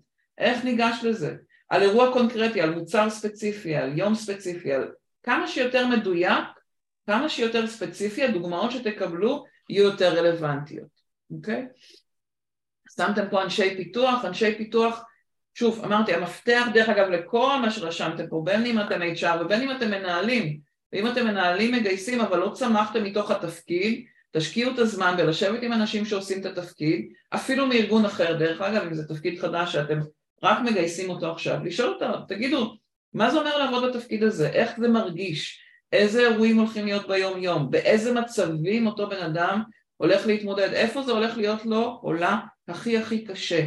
תחפשו לתאר את המצב בצורה אובייקטיבית חיצונית, כי אם הסיבה, אני רגע אתן את הדוגמה, הסיבה שאני מפרידה בין השפה ממש של מצב ושל התנהגות, זה כי אם אני אשאל אותו, תגיד, אתה יודע לתעדף? מה הוא יגיד לי? ברור, אני יודע לתעדף.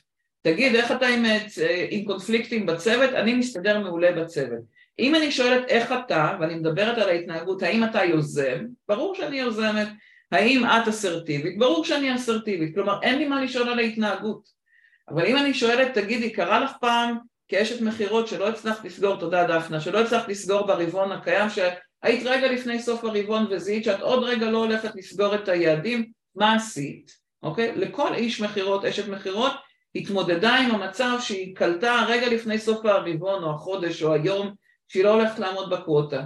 ואז לשאול אותה, אם היית פעם במצב הזה? תגידי, ברור, אני אשת מכירות, ברור, זה חלק, זה קצת שאלה רטורית האם היית פעם במצב כזה, אבל השאלה הבאה תהיה, אז בואי תני לי דוגמה.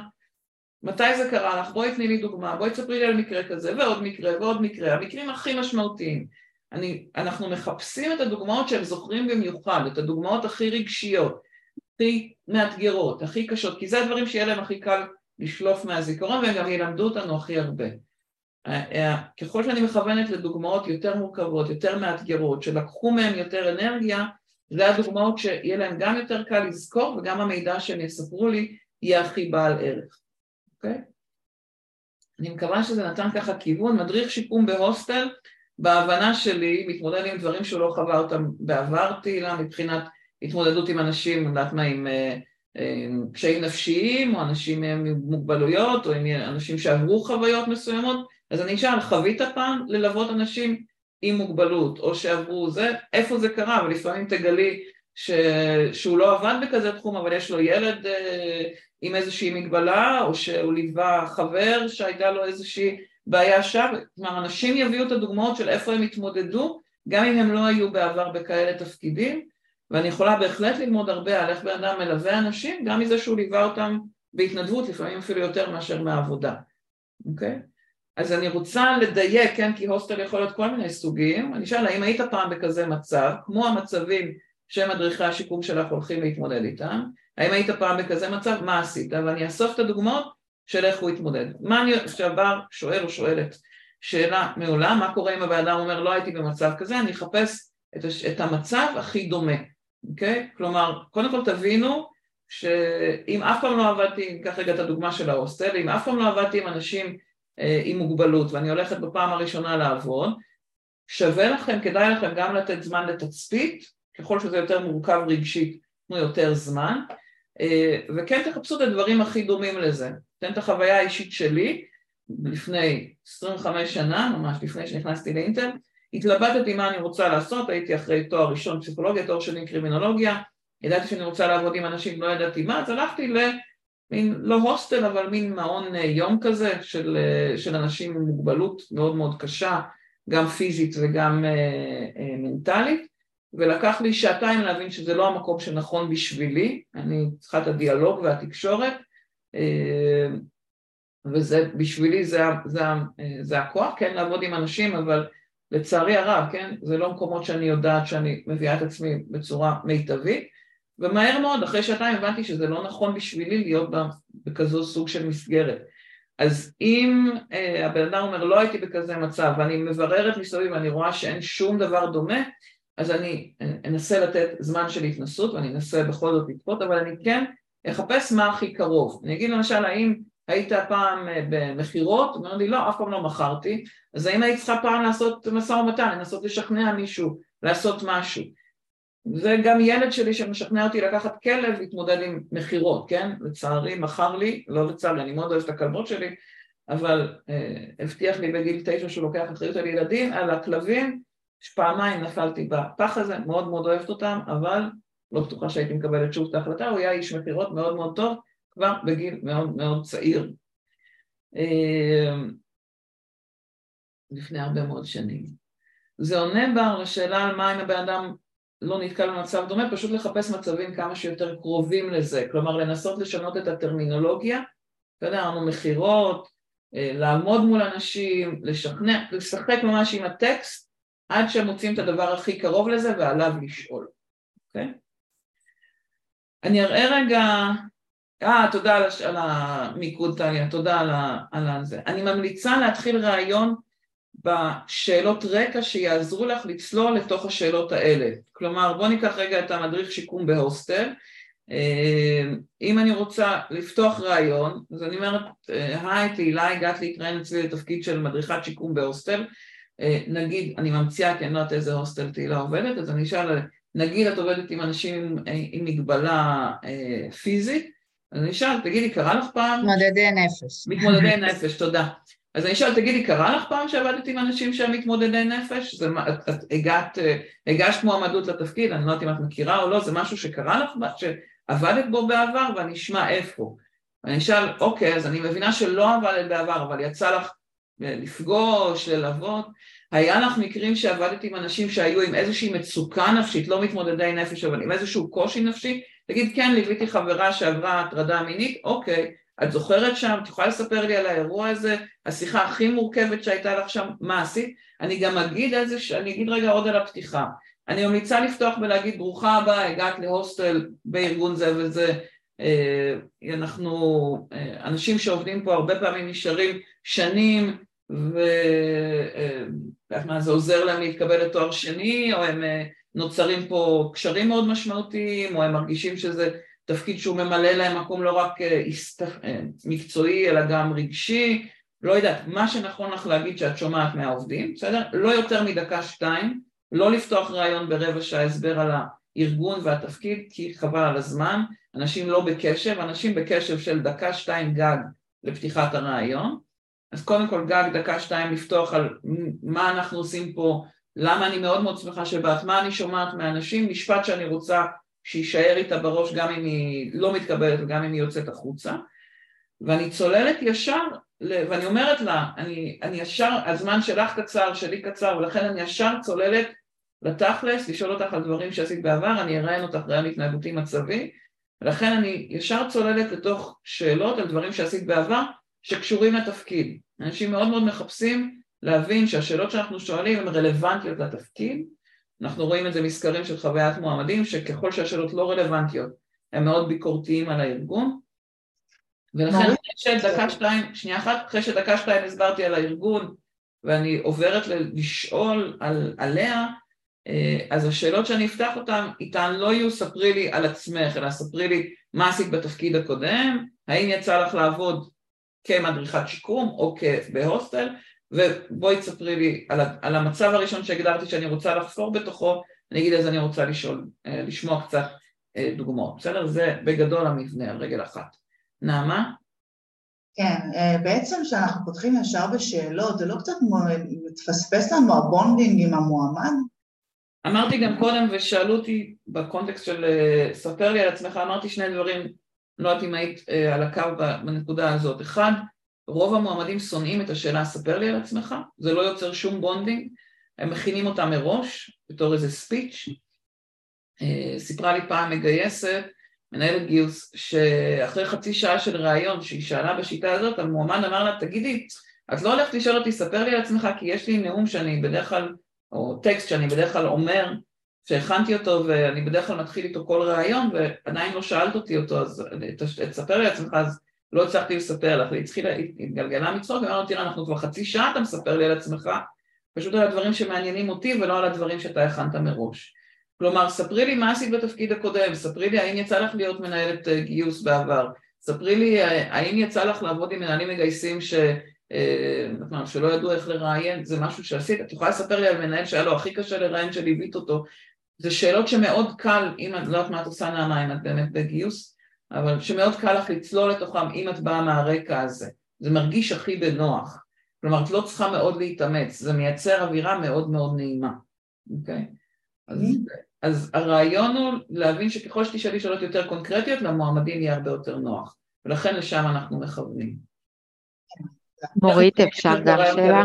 רגע, והיו פה שאלות שפשוט כתבו לי. מועמד שמתאר מצב בין אישי שלא הסתדר עם המנהל, מה ניתן להסיק מהתשובה על אופן ההתנהגות בתיק? אה, מבקשים, ליד אה, שאלה מאוד חשובה, אה, ובהחלט יש מנהלים מתעמרים ויש מנהלים שלא ראויים לנהל, ולכן אחד הייתי מבקשת עוד דוגמאות, אמרתי תמיד אנחנו נבקש שתיים שלוש דוגמאות, אז אם יש מישהו שאומר תראה היה לי קונפליקט עם המנהל אבל פשוט הוא מנהל שממש לא הסתדרתי איתו אז אני אגיד אוקיי בוא תספר לי על קונפליקט עם מנהל שכן הסתדרת איתו.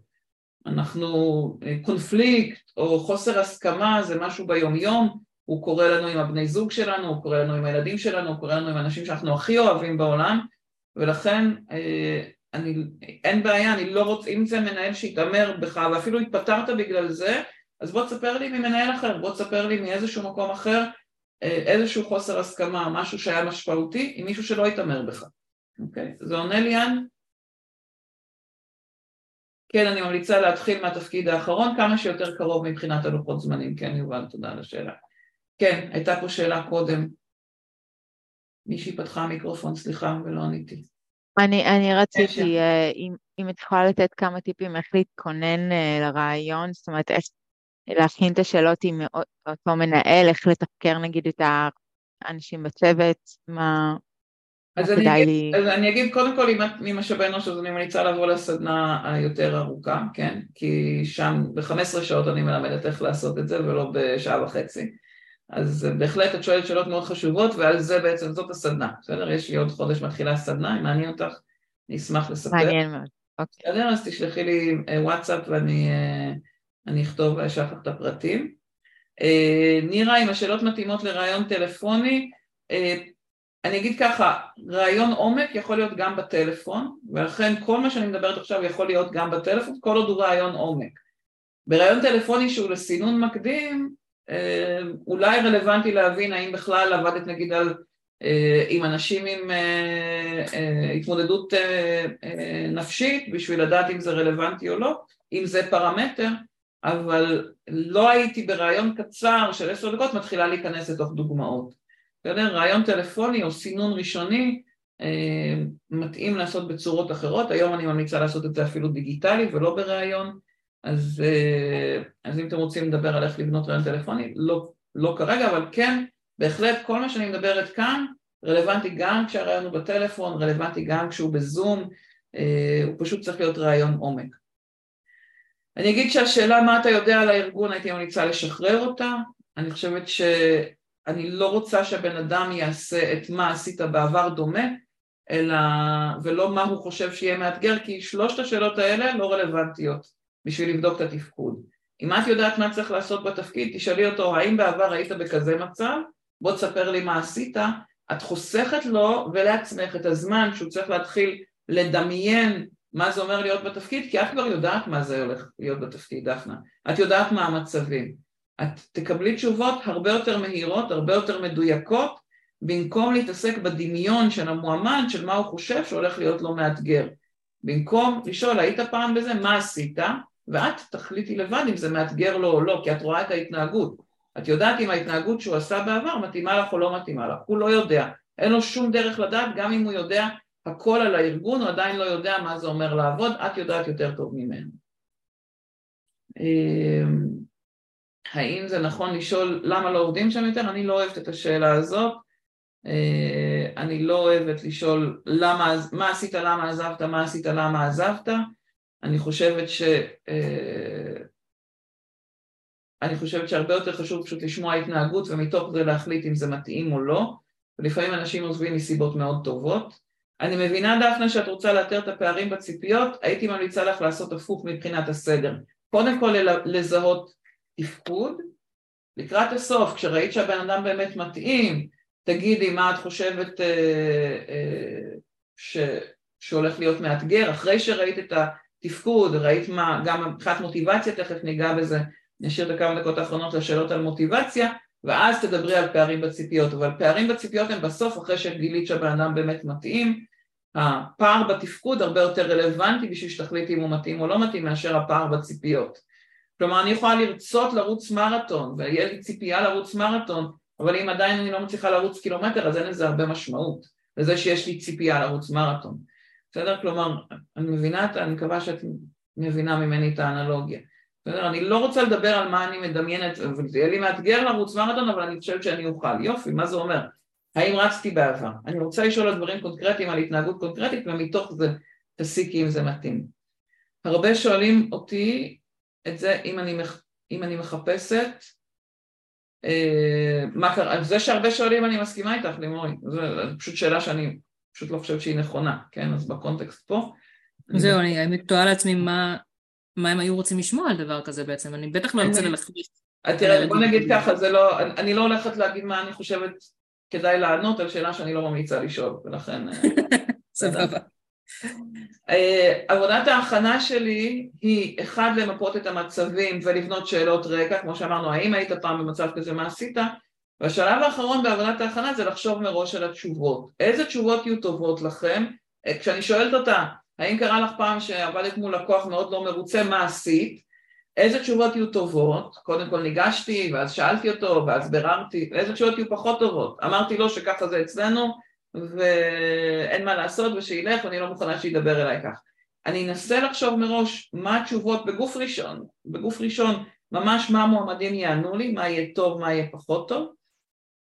אני מראה לכם, אה, אני מחלקת בקורס למנהלים אה, חוברת עם מצבים, שאלות ותשובות לדוגמה, אז ככה למשל זה נראה, אה, על הדוגמה של יכולת למידה, כן? איך התמודדת עם לפתור בעיה שלא הכרת קודם, שבפעם הראשונה שהתמודדת, אז אני שואלת את השאלות, האם היית צריכה להתמודד עם כזה מצב, מה עשית, בואי תני לי דוגמה, ואני מכינה מראש את התשובות הטובות והפחות טובות. אני עושה את זה, ב...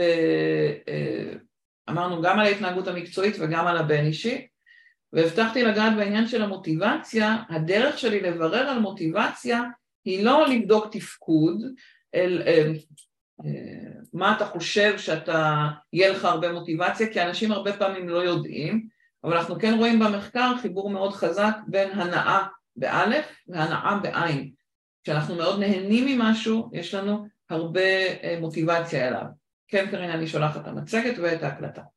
כשאנחנו מאוד נהנים ממשהו, יש לנו הרבה אה, אה, אנרגיה אליו, אנחנו מאוד מתאמצים, מאוד משקיעים בו, אפילו אם הוא קשה, וכשאנחנו מאוד לא נהנים ממשהו, אז אנחנו פחות משקיעים בו, יש לנו פחות מוטיבציה אליו, ולכן במקום לשאול כמה את רוצה את התפקיד, האם עשית שיעורי בית כדי לנסות לברר מוטיבציה, כן השאלות הוורודות שהיו לנו בהתחלה, אני רוצה לשאול על העבר, ממה ממש נהנית, מאיזה תפקיד או חלקים בתפקיד, איך יכולתי לראות שאת מאוד נהנית, בואי תספרי לי על משהו שאפילו שהוא היה מאוד קשה, מאוד מאוד נהנית לעשות אותו.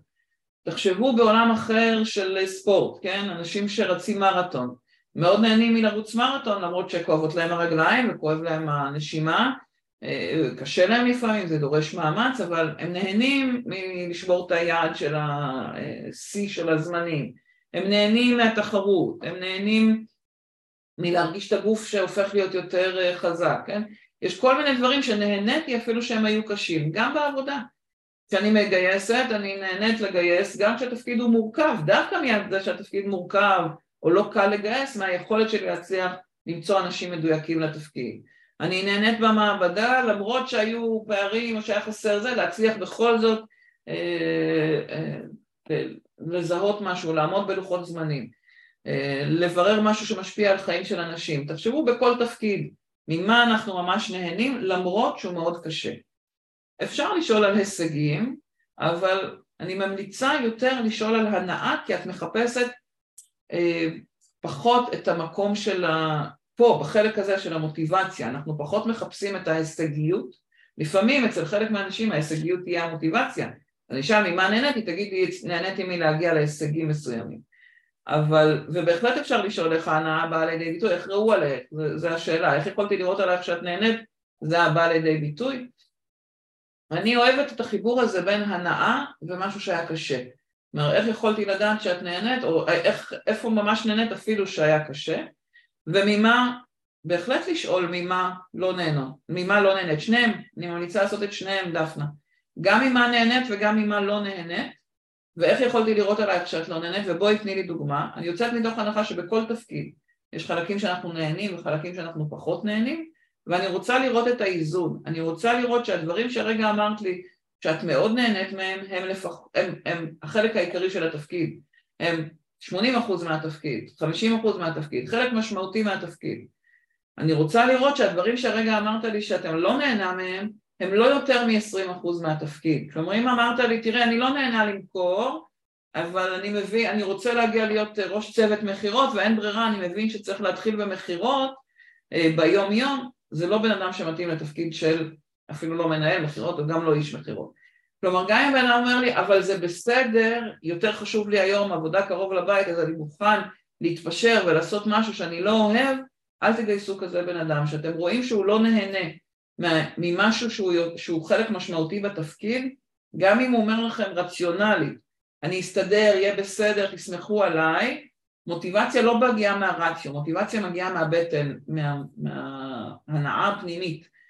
כשהדברים שאנחנו אומרים ברעיון שאנחנו לא נהנים מהם הם חלק משמעותי בתפקיד, פה צריך להידלק נורה גדולה מאוד אדומה, ואלה השאלות שאני ממליצה לשאול, הרבה יותר טובות מאשר מה למדת, למה באת דווקא אלינו, מה את יודעת עלינו, מה חשבת שיהיה בתפקיד הזה, כל הדברים האלה על פער הציפיות, הם, אפשר לגעת בהם, הם פחות מנבאים מוטיבציה והתמדה מאשר ממה נהנית וממה לא נהנית, אוקיי? מהאיזון בין השניים. מורית, שאלות. כן. אני חושבת אבל שגם בהחלט צריך להיזהר עם השאלה הזו, כי הרבה פעמים אנשים לא מתחברים לחלקים שהם בהכרח צריכים לעשות בתפקיד. כי יש את החלק היותר מהנה והחלק הפחות מהנה. כל מיני נגיד היבטים אדמינים.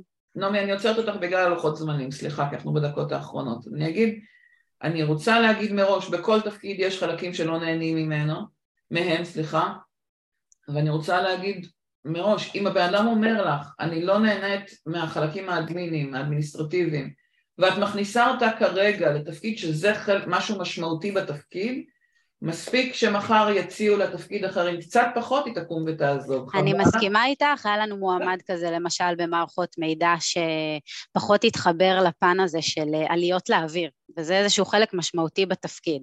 אז... לא, ואני מניחה שהוא לא שרד הרבה. אה, לא, לא קיבלנו אותו, זה לא היה שילוב של כמה גורמים באמת אה, שהחלטנו שזה... שזה לא מתאים.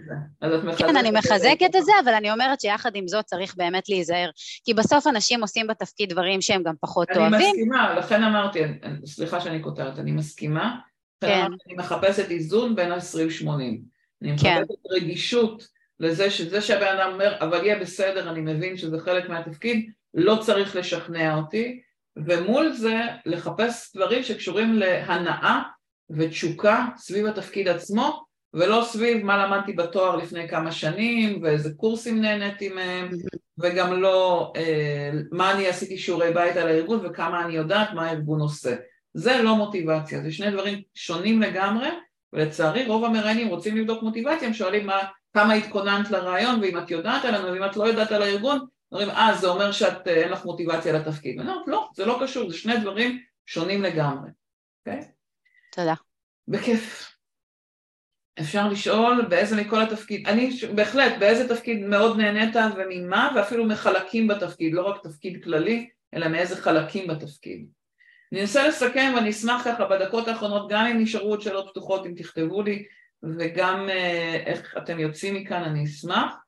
ואני מסכמת ויש לכם את השקף הזה, אתם מוזמנים להדפיס לכם אותו בלפני, בזמן ואחרי, לא נכנסנו לבזמן הרעיון איזה סוגי שאלות, אבל אמרתי כן, גם שאלות ספציפיות, גם שאלות שמשקפות ואומרות מה למדתי ומבקשות אה, ושואלות האם הבנתי אותך נכון, כמו שאני מורד גימה קודם, אני משווה בסוף בין התשובות שקיבלתי לתשובות שהכנתי מראש כדי לקבל את ההחלטה יש לי פה סקר קצר שאני אשמח אם תגיבו עליו, ככה תסרקו את הברקוד על איך היה לכם כדי שאני אבין אם יש עוד וובינרים כאלה שהייתם רוצים שאני אעשה אה, ואני אשמח אם יש עוד שאלות. האם יש מקום לשאלות מצד המועמד? כן, בהחלט. בסוף יש מקום לשאלות, אחרי שאת אה, או אתה ביררתם אם הבן אדם מתאים, אז בסוף בהחלט אפשר לשאול אם יש לך שאלות אבל לא הייתי מתעסקת מהשאלות שלו להסיק על איך הוא בתפקיד. כלומר, צריך להבין, היכולת של מועמד בריאיון לשאול שאלות יכולה להיות קשורה לזה שהוא עשה שיעורי בית וקרא שאלות שכדאי לשאול בסוף ראיון, זה לא אומר שהוא יוכל לתפקד. אם בתוך כל הרעיון לא ראי תפקוד, אז השאלות הטובות בסוף לא צריכות לשכנע. ההפך, הייתי אומרת, זה, אם שואל שאלות לא טובות, היה אפשר להמשיך לשאול עוד שאלות על דוגמאות מהעבר שקשורות לשאלות הלא טובות שהוא שאל, נגיד. בסדר?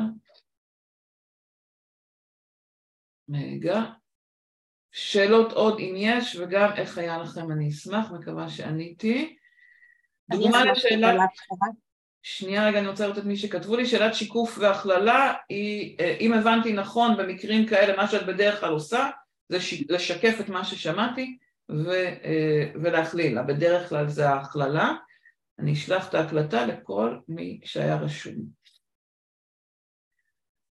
מעולה, כן, שאלה, לא ראיתי מי אמרה שהיא רוצה לשאול. אני. אה, אם יש מועמד שבאמת מוטיב חוזר אצלו גם בקורות חיים וגם ברעיון זה עולה, שנגיד כל שנתיים, שנה וחצי עבר מקום עבודה. אני אגיד גם שזה הסטטיסטיקה היום על כל השוק, כלומר שנה וחצי, שנתיים, זה אומר שהוא מאוד ממוצע, הוא מאוד כמו כולם, רוב האנשים מחליפים עבודה כל שנה וחצי, שנתיים, לרוב האנשים, אלא אם הארגון עשה עבודה מספיק טובה, בשימור, לרוב האנשים יותר קל לעזוב ארגון מאשר לחפש עבודה בתוך הארגון ולעבור תפקיד, הממוצע היום בשוק הוא שנה וחצי, שנתיים בתפקיד או בארגון. אז לא היית אומרת... ולכן לא הייתי אומרת שזה אומר עליו שהוא לא יציב, לא, הייתי אומרת שזה בן אדם שחשוב לו להתפתח, שחשוב לו להתקדם, שהארגון שהוא עבד בו, הארגונים שהוא עבד בהם, לא השכיל לשמר אותו, לא השכיל לפתח אותו בתוך הארגון, או לא היה אפשרי, לפעמים בלתי אפשרי, אה, ולכן שנה וחצי, שנתיים זה בשוק של 2023 זה יציבות נהדרת וסטנדרטית לגמרי. אה, זה מה שאני הייתי לוקחת מזה. תודה. העניין האישיותי, דניאל, אה, אני אגיד שאישיות זה משהו פסיכולוגי, ולכן אני מדברת על רעיון התנהגותי ולא אישיותי, ואני מזמינה אותך לחשוב על מה זה אומר התאמה ארגונית והתאמה לקבוצה, באיזה מצבים בא לידי ביטוי ההתאמה ואיך זה נראה. כלומר, אני מציעה לזוז מהשפה הפסיכולוגית, שגם המחקר מראה שהיא פחות מנבאת, האישיותית, ולעבור לשפה של התנהגות במצב, ובמקום לקרוא לזה הוא מתאים לתרבות הארגונית הכללית, לתרגם את זה לבאיזה מצבים, איזה התנהגות אתה רוצה, ואז לשאול האם היית פעם במצב כזה, מה עשית? כדי שתראה אם זה מדויק לך התרבות הארגונית שספציפית אליכם בארגון, אוקיי? איזה כיף, תודה דפנה, תודה תום. אה, שיחה עם ממליצים, אני אגיד, תיכנסו לאתר שלי, למורית co.il, ותכתבי ממליצים, יש שם uh, שלושה פוסטים ספציפיים שכתבתי על זה. תודה יהודה, שמחה לשמוע. מעולה. ואנחנו בזמן, ממש עוד דקה, אם יש עוד שאלה אחרונה אז אתם מוזמנים לשאול, ואם לא ממש תודה לכם גם על השאלות, גם על המעורבות. אני אגיד שאני עושה סדנות בתוך הארגון למי שרוצה, מוזמנים לדבר איתי. אה, ואם יש עוד שאלות, מוזמנים לכתוב לי offline, יש פה טלפון, באמת, כדי שתכתבו. התחלתי ערוץ טיק טוק ויש בו סרטונים מתוך סדנאות, אתם מוזמנים, אתם רוצים לעקוב, סרטונים קצרים על איך לראיין, ואם אתם רוצים לדבר גם על הסדנה בארגון, גם על סדנה של משה בנו, שתכתבו לי הודעה בוואטסאפ ואני אשלח לכם את הפרטים. תודה רבה רבה, וואי, היה לי ממש כיף. כן ירבו, אמן. הזמן טס לי. תודה לכם, נהניתי מאוד. תודה, תודה, בהצלחה גדולה. תודה רבה. תודה רבה. שמחה. תודה רבה. ביי לכולם. ביי, תודה. תודה רבה, מורית.